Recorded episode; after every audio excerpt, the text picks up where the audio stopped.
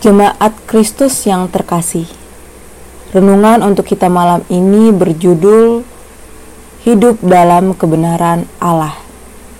Dan bacaan kita diambil dari kitab 1 Raja-Raja 2 ayatnya yang pertama sampai dengan yang keempat. Beginilah firman Tuhan. Ketika saat kematian Daud mendekat, ia berpesan kepada Salomo anaknya, Aku ini akan menempuh jalan segala yang fana, maka kuatkanlah hatimu dan berlakulah seperti laki-laki. Lakukanlah kewajibanmu dengan setia terhadap Tuhan, Allahmu, dengan hidup menurut jalan yang ditunjukkannya, dan dengan tetap mengikuti segala ketetapan, perintah, peraturan, dan ketentuannya, seperti yang tertulis dalam hukum Musa, supaya engkau beruntung dalam segala hal yang kau lakukan dan dalam segala yang kau tuju.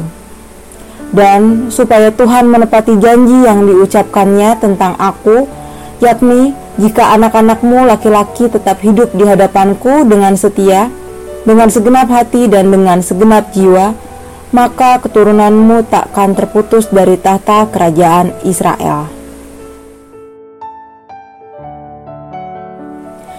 Kita tahu bersama Salomo menjadi raja yang disegani oleh bangsa Israel karena kebijaksanaannya. Bahkan tidak hanya bagi Israel, bangsa di sekitarnya dan kita saat ini pun mengetahui bagaimana kebaikan seorang raja Salomo. Pesan yang begitu kuat dari ayahnya, Raja Daud, menjadi pesan yang memantapkan langkahnya untuk menjadi Raja Israel.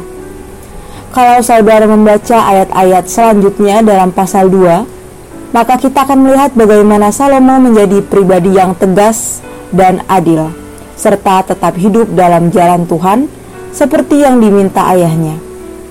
Padahal bisa saja ia bertindak sesuka hatinya, sebab ia sendiri adalah pemimpin yang berkuasa. Tinggal memerintah apa pun, maka pasti para bawahannya akan melaksanakannya. Namun demikian, Raja Salomo tetap mengerjakan kebenaran di dalam Tuhan. Itu yang luar biasa. Bisa jadi tantangan itu muncul saat kita sedang ada di posisi yang terbaik, seperti posisi Raja Salomo godaan untuk melakukan sesuatu dengan bebas justru datang saat situasi hidup kita ada di posisi yang baik dan punya kuasa. Di sinilah ujian kita. Apakah kita akan tetap taat kepada Tuhan dan tidak memanfaatkan kedudukan kita? Atau kita mulai mencoba-coba untuk menggunakan kuasa itu untuk memenuhi ego kita? Bahkan mungkin berbuat hal yang tidak baik hanya demi memuaskan penasaran kita.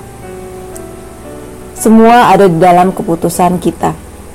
Apakah kita tunduk kepada tuntutan Roh Kudus, atau kita justru mau hidup secara liar? Selamat memilih jalan yang paling benar, yaitu jalan dalam Tuhan. Demikianlah renungan malam ini.